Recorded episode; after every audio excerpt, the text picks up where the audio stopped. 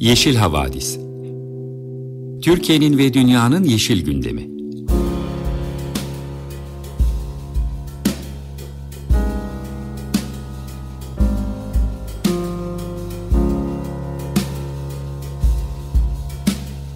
Hazırlayan ve sunanlar Selin Uğurtaş ve Savaş Çömlek.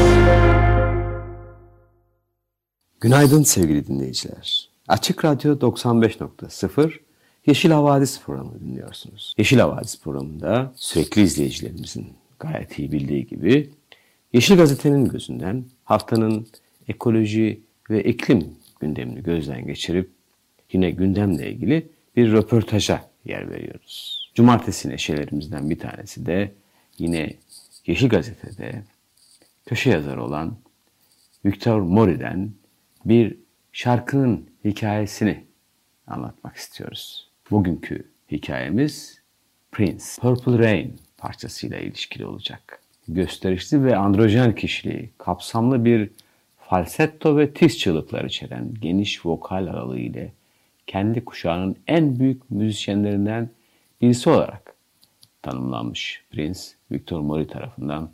Ne yazık ki 2016 yılında henüz 57 yaşındayken aşırı doz narkotik ile hayatını kaybetmişti. Victor Mori köşesinde Purple Rain parçasının nasıl doğduğunu anlatıyor. Başlangıçta Purple Rain ile ilgili bir takım kayıtları olan Prince o dönemin popüler müzisyenleriyle bu kayıtları paylaşıp yeni bir parça yaratma girişiminde bulunmuş ancak ne yazık ki arzu ettiği sonucu elde edememiş. Sonuç itibariyle rutin provalardan birinde o dönem birlikte çalıştığı Linda Coleman ve Wendy Molvin'in Revolution adlı grubuyla beraber şarkıyı yeniden tasarlamışlar. Şarkı country tarzında yazılmış orijinalinde ancak Wendy Melvoin gitar okarlarını o kadar farklı ve güzel çalmış ki Prince country'den tamamen vazgeçmiş. 6 saat süren bir çalışmanın ardında şarkıyı rock ve soul müzik tarzında yeniden tasarlamışlar. Şimdi bu şarkıyı dinlemek istiyoruz. Dinlemeden önce Purple Rain yayınlandığı sene Billboard Hot yüzde ikinci sıraya yükselmiş ve iki hafta boyunca orada kalmıştı. Prince hayatını kaybettiğinde de sosyal medyada çok popüler oldu. Rolling Stones dergisi tüm zamanların en iyi 500 şarkısı listesinde Purple Rain'i 18. sırada göstermiş. Şimdi Prince'ten Purple Rain'i dinliyoruz. Sevgili dinleyiciler, Prince dinleyerek başladığımız bu harika cumartesi sabahına aynı neşeyle devam etmek istiyoruz. Coşkumuzu hiç yitirmesek ne güzel olur değil mi? Ancak ülkemizde birçok yokluğun yanı sıra neşe ve gülmek için iyi haber yokluğunu da çok sık yaşıyoruz. Biz de arıyoruz cumartesi günleri en azından, en azından hafta sonlarında keyifli haberleri sizinle paylaşmak istiyoruz ancak her zaman mümkün olmuyor. Yine bir yokluk haberiyle başlayacağız ekoloji bültenine. Türkiye'de politik, sivil haklar ve internet özgürlüğü yok. Politik özgürlüklere dair her yıl küresel analizler yapan Freedom House 2002 yılında internet özgürlük raporunu yayınlamış ve Yeşil Gazete bu rapordaki Türkiye bölümünü haber olarak hazırlamış. Geçen seneye kıyasla genel skorda 2 puan daha gerilemiş Türkiye. 100 üzerinden 32 puanla bu yıl bu yılda özgür olmayan ülkeler kategorisinde yer almışız. Kimlermiş bizimle aynı kategoride yer alan ülkeler? Zimbabwe, Yemen, Katar, Kuzey Kore, Somali, İran, Irak ve Etiyopya. Türkiye'de 2002 yılında politik haklar 40 üzerinden 16, sivil özgürlüklerde 40 üzerinden 16 skorla değerlendirilmiş. Türkiye internet özgürlüğü değerlendirmelerine göre bu konuda en keskin düşüşler yaşandığı Rusya, Myanmar, Sudan ve Libya'nın yanı sıra Pakistan, Mısır, Belarus gibi ülkelerle birlikte internet özgürlüğünün olmadığı ülkeler arasındaymış. Raporda yapılan değerlendirmede Cumhurbaşkanı Recep Tayyip Erdoğan'ın Partisi AKP'nin 2002'den beri Türkiye'yi yönetiyor oluşundan bahsedilmiş. Başlangıçta liberalleşme reformlarından sonra sivil haklar ve sivil özgürlükler yönelik küçümsenme ve bu reformların değersizleşmesine ilişkin girişimlerin 2016 yılında başladığını ve bu yıldan itibaren muhalifler üzerinde geniş kapsamlı bir baskı politikası uygulandığından söz edilmiş. 2017'deki anayasa değişikliğinin gücü başkanın elinde toplamasıyla bu konuda kilit rol oynadığını, Erdoğan'ın Türk siyasetine hakim olmaya devam ederken derinleşen ekonomik kriz ve siyasi gücü daha da konsolide etme fırsatlarını hükümete muhalefeti bastırmak ve kamusal söylemi sınırlamak için yeni inisiyatifler edindiğini anlatmış. Tabi bu arada neler olduğuna ilişkin bilgiler de verilmiş. 1 Haziran ve 31 Mayıs 2021-2022 tarihleri arasında çeşitli illerde altyapı hasarları ve çalıntı kablo nedeniyle internet kesintileri yaşanmış. Web sitelerine erişim engelleri getirilmiş iki uluslararası kuruluşa, bağımsız haber kuruluşları büyük ölçüde e, sosyal medya yasası 2002 yılında yürürlüğe girdikten sonra sınırlandırmalar getirmiş. İçerik kaldırma emirleriyle haberin çeşitliliği ciddi biçimde engellenmiş. Hükümet yanlısı medya gelişirken bağımsız haber kuruluşlarının internet siteleri yayın süresi boyunca engellerle karşılaşmışlar. Türk internet kullanıcılarının sunulan çevrim içi içeriğin çeşitliliği ciddi oranda azalmış. Yeni dezenformasyon yasası da neyse sunulmuş. Tasarı kasten yanlış bilgi yayın yapan internet kullanıcıları için hapis cezaları öngörüyor. En az bir sosyal medya kullanıcısı yaptığı bir paylaşımdan dolayı müebbet hapis cezasına çarptırılmış. Kürt meselesine ilişkin haber yapan gazeteci Facebook'ta yaptığı paylaşım nedeniyle müebbet hapis cezası almış. CHP İstanbul İl Başkanı Canan Kaftancıoğlu ile de ilgili bilgi paylaşılmış. Twitter hesabının yaptığı paylaşımdan dolayı 4 yıl 11 ay, 11 ay ceza almış. Çevrimçi gazeteciler çevrimçi olarak yaptıkları haberler karşısında fiziksel saldırılara dahil olmak üzere artan tacizlerle karşılaşmışlar. Rütün yayınlara verilen para cezaları, kaldırılan içerikler, paralı troller, sosyal medya mecralarına getirilen yeni zorunluluklardan da raporda söz edilmiş. Anlaşıldığı kadarıyla uluslararası kuruluşların raporlarında da yer aldığına göre mevcut iktidarın, iktidar sahiplerinin çok değerli ve verimli olduğu anlaşılan koltuklarını bırakmamak için kullandıkları kirli yöntemler uluslararası kuruluşların raporlarında da yer alıyor. Sansür yasasına ilişkin bir başka uluslararası bilgi de Amerika Birleşik Devletleri basınının önde gelen gazetelerinden Washington Post'ta yayınlandı. Muhalefetin ve kamuoyunun sansür yasası olarak nitelendirdiği yasa değişikliği ile ilgili şu bilgilere yer verilmiş. Türkiye'de if- ifade özgürlüğünü ortadan kaldıran bu yasa dolayısıyla demokrasiyi de ortadan kaldırıyor. Türkiye Cumhuriyeti Cumhurbaşkanı ülkesinin bir zamanlar canlı olan özgür basını boyun eğmeye zorladı. Son yıllarda hükümet gazetecileri hapse attı ve rejim ve dost şirketler bir zamanlar özgür düşen haber kuruluşlarını devraldı. Bu da Erdoğan'ın yayınları kontrol altında tutmasını sağladı. Yeni yasa Türkiye'yi boşluğun daha da derinlerine sürüklüyor şeklinde ifadelere yer verilmiş. Bir başka uluslararası raporda Ekonomi ve Barış Enstitüsü tarafından hazırlanmış. Yeşil Gazete'nin haberine göre hangi ülkelerin çatışma, sivil huzursuzluk ve ekolojik bozulmanın neden olduğu yerinden edilme ve iklim değişikliğiyle en fazla risk altında olduğunu değerlendirmek için Ekonomi ve Barış Enstitüsü ekolojik tehdit raporu yayınlamış. Rapordan çıkan ana bulgu uyumlu iklim eylemi ortaya konulmazsa mevcut ekolojik bozulma seviyelerinin daha da kötüleşeceği, mevcut çatışmaların yoğunlaşacağı, yeni çatışmalara da zemin hazırlanacağı yorumu yapılmış. Bunun da doğal sonucu olarak zorunlu göç artacaktır denilmiş. En kötü ekolojik tehditlerle karşı karşıya olan ve en düşük toplumsal dayanıklılığa sahip olan 27 ülkede 768 milyon insan yaşıyor ve bu 27 ülkenin 23'ü Sahra Altı Afrika, Orta Doğu ve Kuzey Afrika'da bulunuyor. Onu ise Orta Amerika, Karayipler, Güney Asya ve Güney Amerika'da yer alıyor.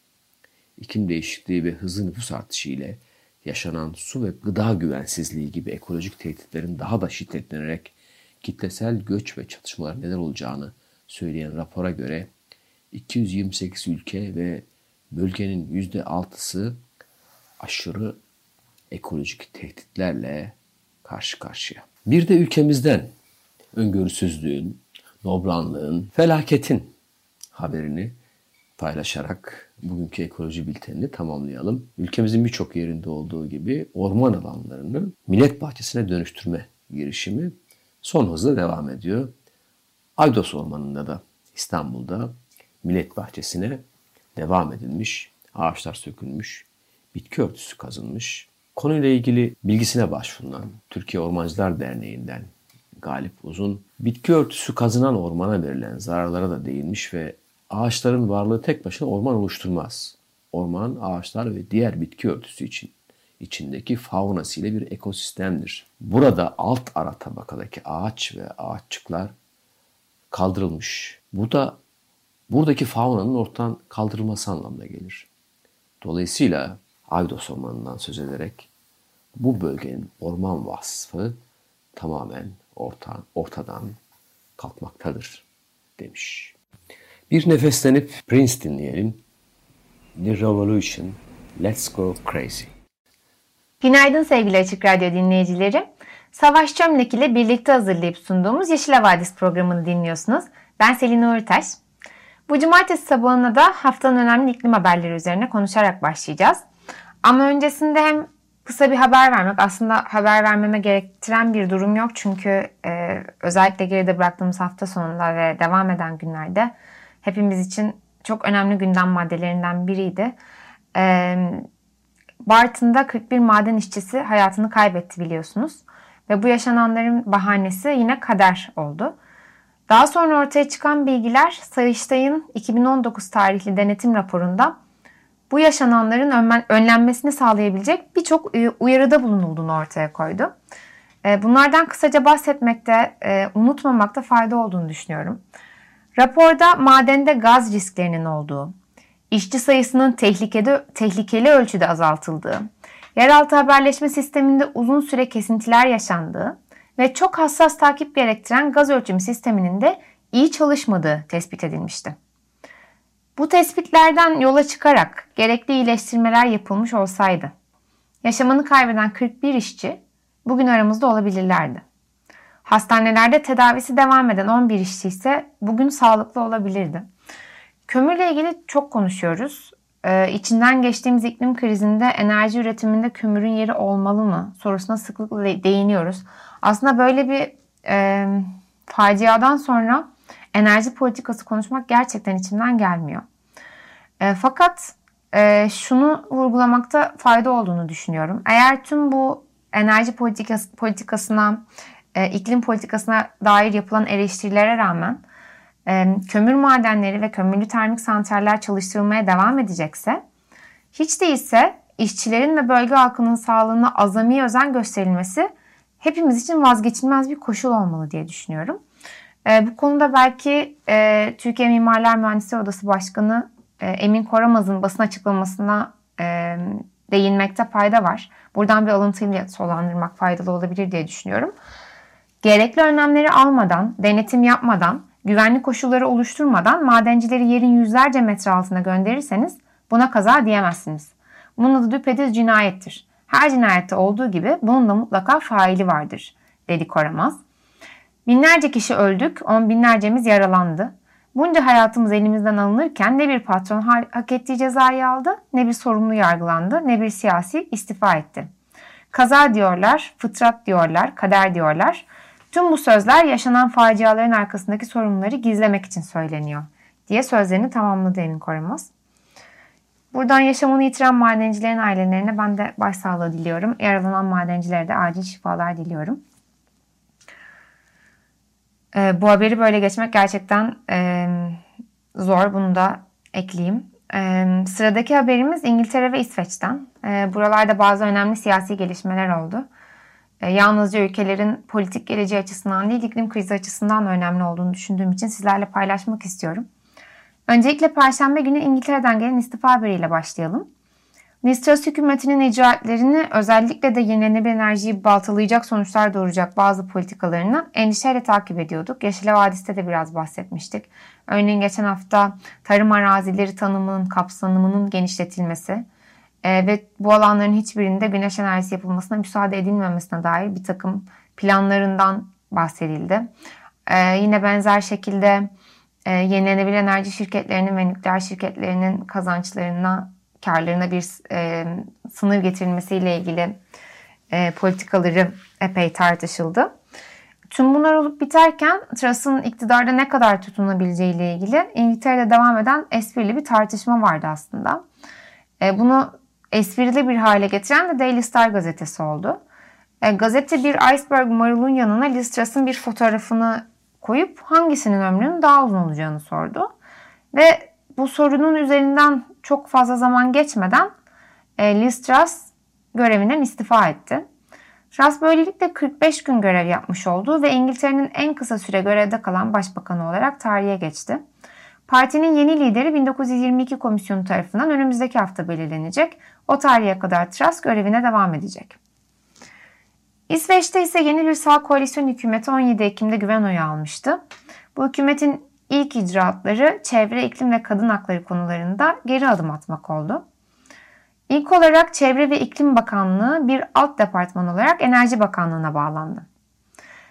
Bu gerçekten e, alışılmaz haberlere oldukça alışmış bir ülkenin vatandaşına bile bu kadar akıl almaz geliyorsa e, İsveçliler ne hissediyor bilemiyorum ama e, gerçekten özellikle şu an içinden geçtiğimiz dönemde akıla hayali sığmaz bir şey gibi geliyor bana. Buna en büyük tepki gösterenlerden biri İsveç'in Yeşiller Partisi oldu. Partinin lideri İsveç'te 35 yıldır ilk kez bağımsız bir çevre ve iklim bakanlığı olmayacağını dikkat çekti.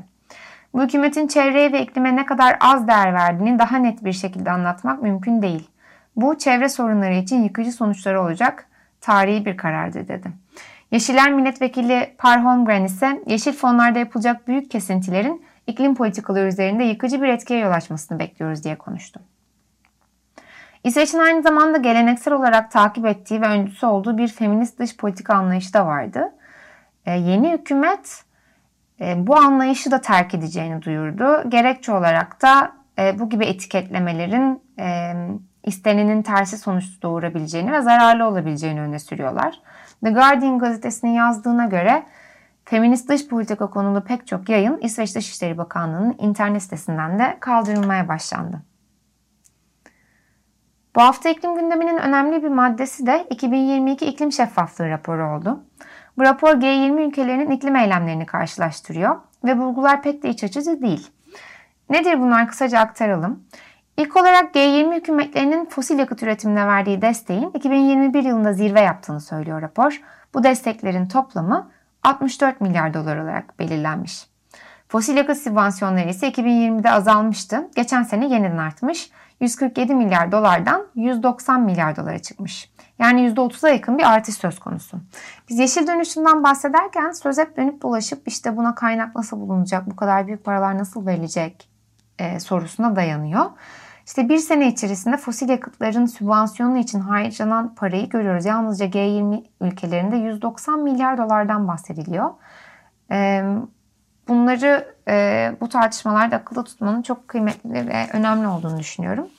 Peki fosil yakıt destekleri, sübvansiyonlar bu seviyedeyken emisyonlar ne durumda derseniz tahmin edersiniz ki büyüme arttıkça, bu büyüme fosil yakıtlarla karşılanmaya devam ettikçe emisyonların azalmasını beklemekte hayalcilik olur. Ee, ısınmayı bir buçuk dereceyle sınırlandırmak için, sınırlandırma konusunda bir şansımız olabilmesi için 2030 yılına kadar emisyonlarımızı yarı yarıya azaltmamız gerektiğini biliyoruz. Oysa henüz bir azalma görememekle kalmadık. 2021 yılında emisyonlar yaklaşık %6 arttı ve salgın öncesi seviyelerinde üzerine çıktı. Biz de ülkece bu tabloda güzel bir rol üstlenmişiz rapora göre. Kişi, kişi başı emisyonların 2019'dan daha yüksek çıktığı iki ülke var. Biri Çin, biri de biziz. Raporda ayrıca Türkiye'de her yıl 44.200'den fazla insanın hava kirliliğinin bir sonucu olarak inme, kalp hastalığı, akciğer kanseri ve kronik solunum yolu rahatsızlıkları nedeniyle öldüğü belirtildi. Bu G20'deki en yüksek seviyelerden biri. Raporda Türkiye'den aynı zamanda 1,5 derece yolunda ilerlemeyen ülkeler olarak ülkelerden biri olarak bahsediliyor. Türkiye'nin yenilenebilir enerji yatırımlarının da ülke potansiyelinin çok altında kaldığına dikkat çekilmiş ve enerji ithalatını azaltmak için önemli bir fırsatın kaçırıldığına dikkat çekilmiş. Ee, bunun ardından iklim krizine adaptasyonla ilgili önemli bir haber vermek istiyorum. Kastamonu'da geçen yıl taşan Ezine çayını hatırlarsınız. Burada sel felaketi sonucunda 70 kişi hayatını kaybetmişti. Felaketin yaşandığı Bozkurt Mahallesi'ne daha sonra ne oldu? İnsanlar bu travmayı atlatabildi mi? Gerekli yardımlar yapıldı mı? Geleceğe dönük gerekli önlemler alınıyor mu? Bunları tartışmak üzere Özge Doruk'la önemli bir röportaj yapmıştık. Dilerseniz bu röportajın kaydını Yeşile Vadisi Podcast üzerinden tekrar dinleyebilirsiniz. Şimdi burada e, gerçekten anlaşılması zor bir şey yaşanıyor şu an. E, bu Ezine çayında bu sene Haziran ayında da bir sel felaketi yaşandı. Çay yine taştı, üzerindeki köprüler yıkıldı ve devlet su işleri çayda bir ıslah çalışması başlattı. Aynı zamanda zaten e, çayın kenarında yer alan 600'e yakın daire kamulaştırılmış ve yıkılmıştı tehlikeli e, konumları tehlike arz ettiği için. Gel gelelim bütün bu yaşananlara rağmen şu anda deniz kenarında yer alan İnönü Lisesi'nin yeni bir İnönü Lisesi için yeni bir bina yapılmasına karar veriliyor. Ve bu binaya yer olarak Ezine Çayı'nın kenarı gösteriliyor. Ve şu anda bu okulun inşaatı için temel atılmış durumda. E, tabii ki e, böyle bir travmayı yaşayan halk bu karara tepkili. E, yeni lise binasını tabii ki isteriz ama yeri yanlış. E, gençlerimizin neden, neden feda edildiğini anlayamıyoruz diyorlar. Cevaben deniyor ki normalde ıslah projesinde yapı yaklaşma sınırı 5 metre ama biz bu metreyi, e, biz bu liseyi 12 metre daha geriden yapacağız diyorlar. E, ve bu 5-10 metre tartışması üzerinden her sene taşan hem can hem mal kaybına neden olan bir çayın kenarına okul binası inşa edilecek gibi görünüyor. E, iklim inkarcılığının aslında hep daha işte politika seviyesinde işte fosil yakıt e, lobicileri, işte e, yeşil yeşile boyama, yeşil yıkama çalışmaları kapsamında falan bahsediyoruz ama bu gerçekten bence en doğal örneği ve en endişe verici versiyonlarından biri diyebiliriz. Yani iklim krizini göre göre, bu bölgedeki etkilerini göre göre oraya yine bir okul inşa etmeye çalışmak e, ilginç bir yaklaşım. E, nitekim bu gibi felaketlerin çok da doğal olmadığını ve insan etkisiyle yaşanan iklim değişikliğinin bir sonucu olduğunu biliyoruz. İklim değişikliğine adapte olmak e, bu tip e, adımlardan da kaçınmak anlamına geliyor olmalı. E, böyle bir felaket haberi bu hafta bir de Nijerya'dan geldi. Çok büyük ölçekli gerçekten yani aktaracağım sayıları e, ben de inanamıyorum. Sel nedeniyle tam 603 kişi yaşamını yitirdi. 1.3 milyon insan yerinden edildi. 200 bin, 200 binden fazla ev yıkıldı. Bu ülkede sel riskinin devam ettiği bildiriliyor. Evet, e, Nijerya'da gerçekten çok e, akıl almaz sayılar telaffuz ettim.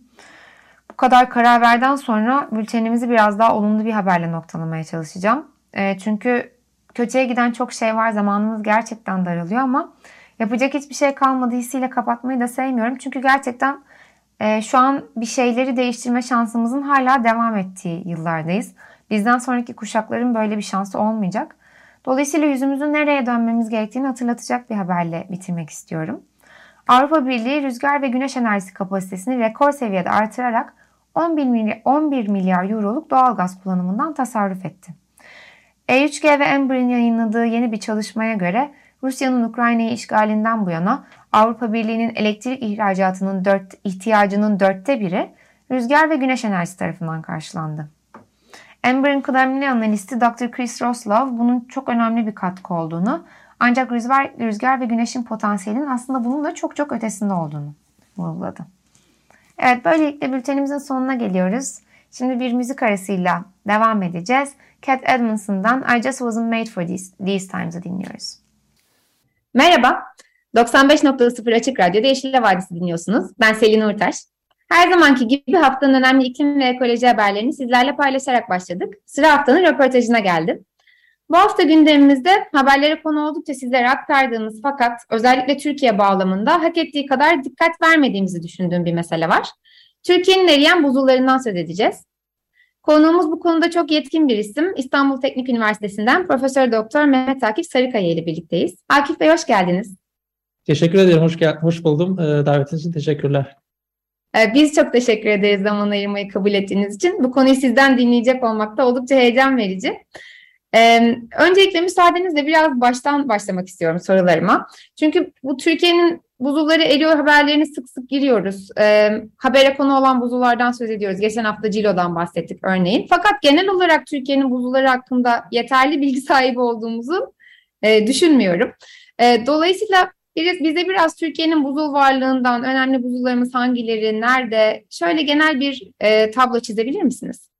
Tabii ki. Evet, e, aslında Türkiye denilince buzullar en son akla gelecek şeylerden bir tanesi gerçekten. E, e, Türkiye'de e, esasında e, buzul varlığımız diğer ülkelere kadar değil. Yani kuzey ülkeleri veya işte e, orta enlemlerdeki diğer ülkeler kadar değil ama Türkiye'de buzullarımız var. Bunlardan en büyüğü tabii Ağrı Dağı'ndaki buzulumuz. Ağrı Dağı'nın zirvesinde e, yaklaşık 5 kilometre e, kare genişliğinde bir buzulumuz var. Bu Türkiye'nin en büyük buzulu. E, aynı zamanda Türkiye'de e, Güneydoğu Anadolu'da e, Cilo Dağları'nda da yine buzullarımız var. Burada da çeşitli boyutlarda e, yaklaşık 10 kadar buzul var. E, bunun haricinde Karadeniz Dağları'nda da e, buzullarımız var. Tabi burada biraz sayımız daha az. Yaklaşık 3, 3 kadar buzulumuz var. Diğer buzullarımız ise çok daha küçük ve e, bireysel anlamda e, daha e, batıdaki dağlarda. Örneğin e, Türkiye'nin en batısındaki buzul Erciyes Dağı'nda. Erciyes'in kuzey yamacında çok küçük bir alanda e, buzul e, bulunmakta. Tabii Türkiye'de e, günümüzde buzullar bu kadar az ama geçmişte daha büyüktü ve o büyük buzulların aslında kalıntıları gördüğümüz buzullar. E, dolayısıyla buzul varlığımız gün geçtikçe azalıyor. Özellikle son iklim değişiklikleriyle buzullar artık iyice yok olma e, eğilimine girmiş durumda. Ama Türkiye'de yine buzul varlığı olan ülkelerden bir tanesi. Çok teşekkürler hocam. Ee, bu konuda internette hızlı, hızlı bir arama yaptığımda ilk karşıma çıkan NASA'nın 2015 tarihli bir haberi oldu. Burada işte Ege Üniversitesi'nde yapılmış bir çalışmadan bahsediyorlardı. Diyorduk ki e, 40 yıl içinde ki bu araştırma işte 2012-2013 yıllarında yapılmış 1970'lerden 2010'lara diyordu yani. Türkiye'de buzulla kaplı alanların 25 kilometre kareden yaklaşık 11 kilometre kareye düştüğü, 5 buzulunda tamamen yok olduğu yazıyordu. Sizin de 2011 ve 2020 tarihli envanter çalışmalarınız var. Ee, bu konuyu hiç bilmeyen benim gibi bir insan için bile oldukça kulağa ciddi gelen e, rakamlar diyebilirim. Bize anlatabilir misiniz? Türkiye'nin buzulları hem ne zamandan bu yana eriyor hem de ne hızla eriyorlar? Esasında Türkiye'nin buzulları e, son 100 bin yıldır eriyor. Yani jeolojik olarak bakacak olursak Türkiye'de buzul varlığı e, çok çok önceleri başlıyor. E, son buzul çağından itibaren buzullar son 100 bin yılda e, büyümeye başladı. E, diğer e, dünyanın diğer bölgelerinde olduğu gibi Türkiye'de de buzullar e, en geniş boyutlarına yaklaşık 20 bin yıl önce ulaştı. 20 bin yıldan itibaren de buzullar e, erimesine devam etti. E, günümüze kadar e, geldiler. Tabii e, bu envanter çalışmaları yani bu bahsettiğiniz çalışmalar e, uydu görüntüleriyle elde edilen ve yersel gözlemlere dayanan çalışmalar. Daha öncesine ait gözlemlerimizi biz genellikle jeolojik çalışmalardan elde ediyoruz. Örneğin kayaların yapısı, kayaların bulunduğu yükseklikler ve onların şekilleri, içerisindeki izotop miktarları vesaire. Ama güncel buzul varlıkları doğrudan sağ gözlemleri ve uydu görüntüleriyle yapılabiliyor. Dediğiniz çalışmalarda e, doğru. Türkiye'nin buzul varlığı özellikle son yıllarda e, oldukça e, azalmış durumda. Örneğin benim yaptığım e, Ağrı Dağı'nda yaptığım çalışmada e, 1976'da yaklaşık 7,5 kilometre karelik olan Ağrı Dağı buzulu e, son zamanlarda 5 kilometreye kadar e, 5 kilometre kareye kadar düşmüş durumda. E, diğer bölgelerde de benzer durumlar var. Örneğin Cilo'da olduğu gibi veya e, Kaçkar Dağları'nda, Doğu Karadeniz Dağları'nda olduğu gibi benzer durumlar söz konusu. Örneğin size rakam verecek e, olursam e, Erinç buzulu örneğin e, Cilo Dağları'nda 1937'de yaklaşık e, buzulun uzunluğu 3.3 kilometre iken e, 2010 yılında 1.5 kilometreye gerilemiş. Yani neredeyse buzul yarı yarıya e, küçülmüş durumda. E, yine aynı bölgede e, Uludoruk ve Gevorok buzulları var. Bunlar da e, birkaç kilometre uzunluktan örneğin Gevorok buzulu 4 kilometre uzunluğundan yaklaşık 900 metreye kadar gerilemiş durumda. Batıdaki buzuldan bahsetmiştim biraz önce. Erciyes Dağı'nın kuzeyinde bulunan buzuldan. Bu buzul da e, Türkiye'de en çok kaydın olduğu buzullardan bir tanesi. Örneğin 100 yılın başında 1902'de Penter bir yayınında 700 metre uzunluğunda bir buzuldan bahsediyor. 1950'lere geldiğimizde buzulun uzunluğu yaklaşık 550 metreye geriliyor. 1983 yılında 380 metreye geriliyor. Bizim en son yaptığımız ölçümlerde buzulun uzunluğu ise 260 metre. Dolayısıyla son 100 yılda ciddi bir gerileme söz konusu. Buzulları şöyle düşünebiliriz iklim açısından bakacak olursak. Buzulları besleyen, daha doğrusu onların varlığını devam ettiren iki unsur var. Birincisi sıcaklık, ikincisi de yağış.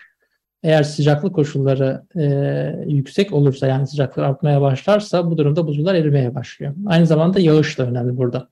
E, yağışın da önemli bir etkisi var. Çünkü yağ, kar yağışıyla besleniyor buzullar. Eğer yağış olmazsa buzullar da beslenemiyor. Biz Ağrı yaptığımız çalışmalarda acaba bunun etkisi ne diye baktığımızda yani Ağrı ve diğer Türkiye'deki diğer buzullardaki bu çeşitli buz küçülmenin sebebine baktığımızda genellikle bunun sebebinin e, yaz sıcaklıkları olduğunu gördük. Ee, yağış koşulları çok fazla değişmiyor bölgelerde. Yani son 30 yılda 40 yılda yağış koşullarında çok ciddi anlamda bir değişiklik yok. Ancak sıcaklıklarda özellikle yaz sıcaklıklarında ciddi artışlar var 1-2 dereceye kadar. Dolayısıyla bu da e, yazın zaten erimekte olan buzulları daha da eriterek bunları avansal ve hacimsel olarak küçülmesini sağlıyor. E, dediğim gibi bu envanter çalışmaları e, önemli çünkü ee, bunlar bir gün yok olacaklar ee, ve onlar yok, ol, yok olduklarında biz artık onlara ait ölçümleri yapamayacağız. Ee, bunların bir an evvel bu şekilde e, kayıt altına alınması gerekiyor ki yapılan çalışmalarda bunlardan ibaret. Çok teşekkürler hocam.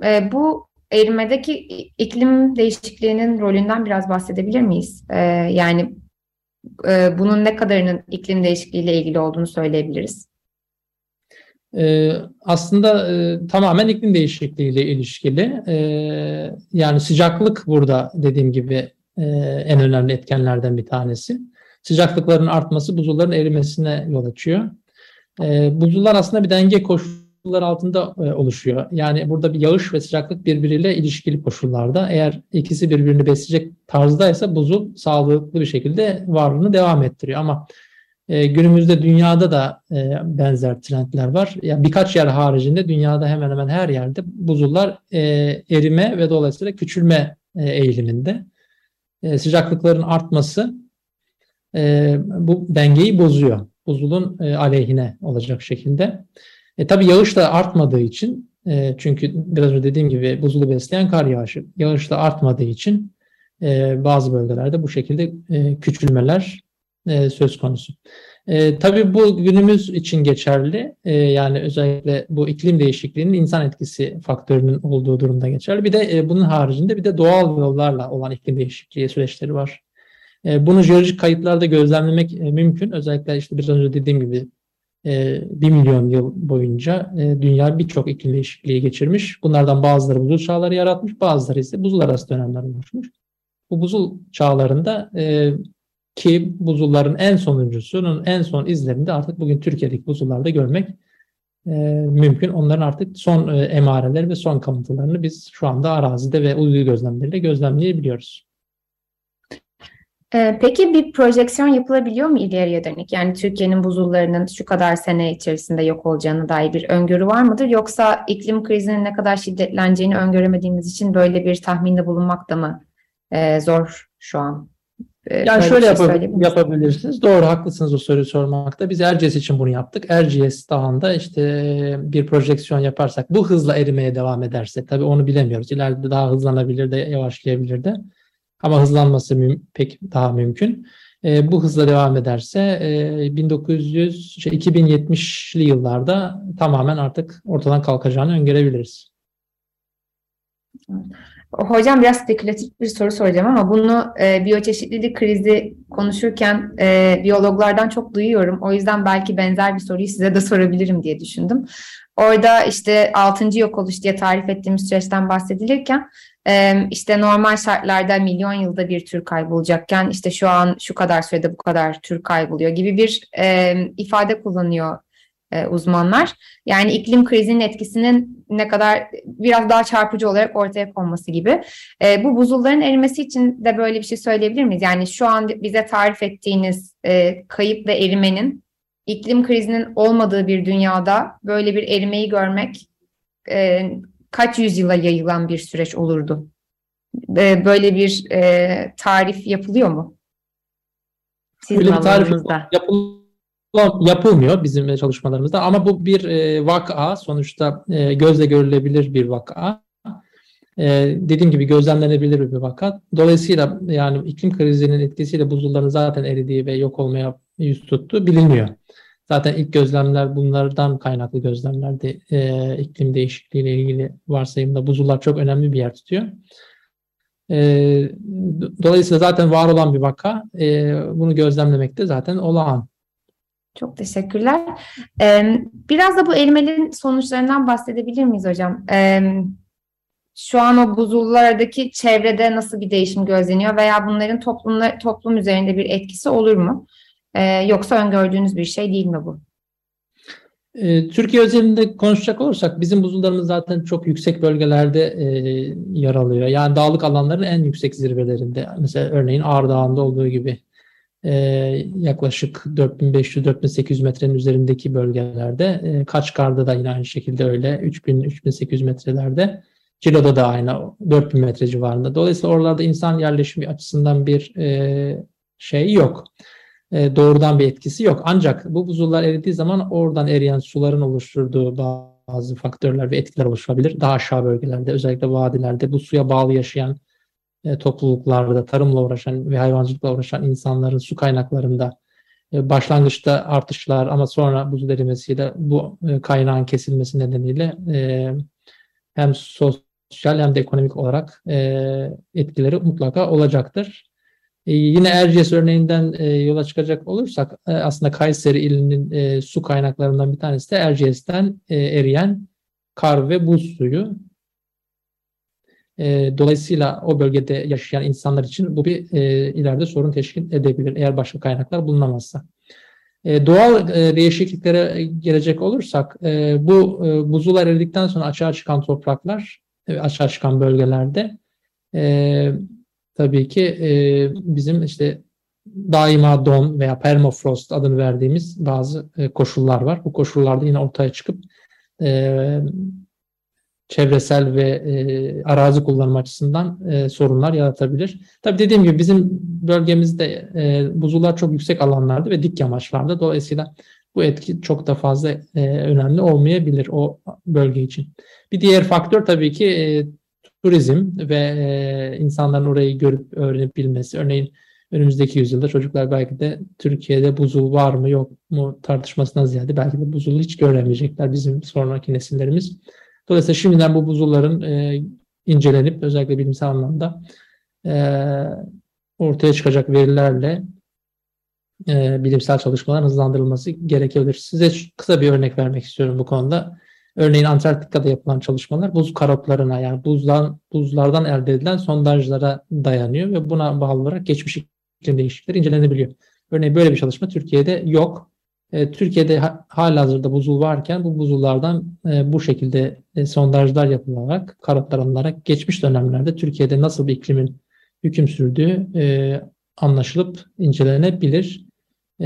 Bu da yapılması gereken işlerden bir tanesi. Ne kadar önemli bir konuya değindiniz. Mesela hiç bu boyutunu düşünmemiştim. Siz ilk başta bahsettiğinizde benim aklımda şey gibi canlanmıştı işte böyle bir güzellik var bunu kayıt altına almamız lazım gibi bir şey canlanmıştı ama aslında bilimsel olarak çok fazla veriyi de kaybediyor olacağız bu, buzulların erimesiyle. E, dolayısıyla aslında sormak istediğim bir soruya getirmiş oldu söz bizi. Bu e, envanter çalışmalarınızın birinde Türkiye'de buzul çalışmalarının çok ihmal edilmiş bir konu olduğunu söyleyerek başlıyorsunuz. E, bu bahsettiğiniz gibi bir çalışmayı veya başkalarını buzullar erimeden yapacak bir hareketlilik var mı şu an akademik dünyada? Ee, akademik dünyada Türkiye buzul varlığına ilişkin çalışmalar devam ediyor farklı gruplar tarafından. E, yabancıların da bu konuda e, ilgisi var. E, ama tabii yeterli düzeyde değil dediğim gibi yani daha e, detaylı ve e, analitik çalışmalar burada önemli. Sadece envanter değil, envanterin e, haricinde e, bu buzullardan gerçek real e, da, verilerin de e, elde edilmesi e, mutlaka gerekiyor. E, bizim grubumuzun çalıştığı İstanbul Teknik Üniversitesi bünyesinde bir laboratuvarımız var. Bu laboratuvarda biz e, buzul e, daha önce buzul e, geçirmiş, buzul yaşamış bölgelerde e, bu buzulların biriktirdiği kayaların içerisindeki izotopları inceliyoruz. O izotoplar bize e, geçmiş dönemlerde buzulların varlıkları, onların büyüklükleri, hangi iklim koşulları altında oluştuklarını gösteriyor. Bu konuda birçok çalışmamız var. Son 20 yıldır Türkiye'de Toros özelinde, Toros Dağları, Orta Anadolu, Kaçkarlar e, ve e, diğer bölgelerde e, geçmiş dönemlerde buzulların hangi şartlarda oluştuğunu hem laboratuvar ortamında izotop analizleriyle hem de bilgisayarda simülasyon yaparak e, biz ona paleo iklim diyoruz. Yani eski iklim koşullarını inceleme fırsatımız oldu. Bu konuda çalışmalar hızla ilerliyor. Ee, güncel buzul varlığı da dediğim gibi yani envanterde kalmaması gerekiyor. Onların da yine e, detaylı bir şekilde araştırılması gerekiyor Türkiye'de. Çok teşekkür ederim hocam. Çok e, güzel bir sohbet oldu. Zaman ayırdığınız için çok sağ olun. E, röportajın... Teşekkür ederim. Çok teşekkürler. Röportajın başını kaçıranlar için tekrarlayalım. İstanbul Teknik Üniversitesi'nden Profesör Doktor Mehmet Akif Sarıkaya ile Türkiye'nin buzullarını ve bu buzulların iklim değişikliği nedeniyle yok oluşlarını e, üzerine sohbet ettik. Şimdi kısa bir müzik arası vereceğiz. Fleet Foxes'dan Blue Ridge Mountains'ı dinliyoruz.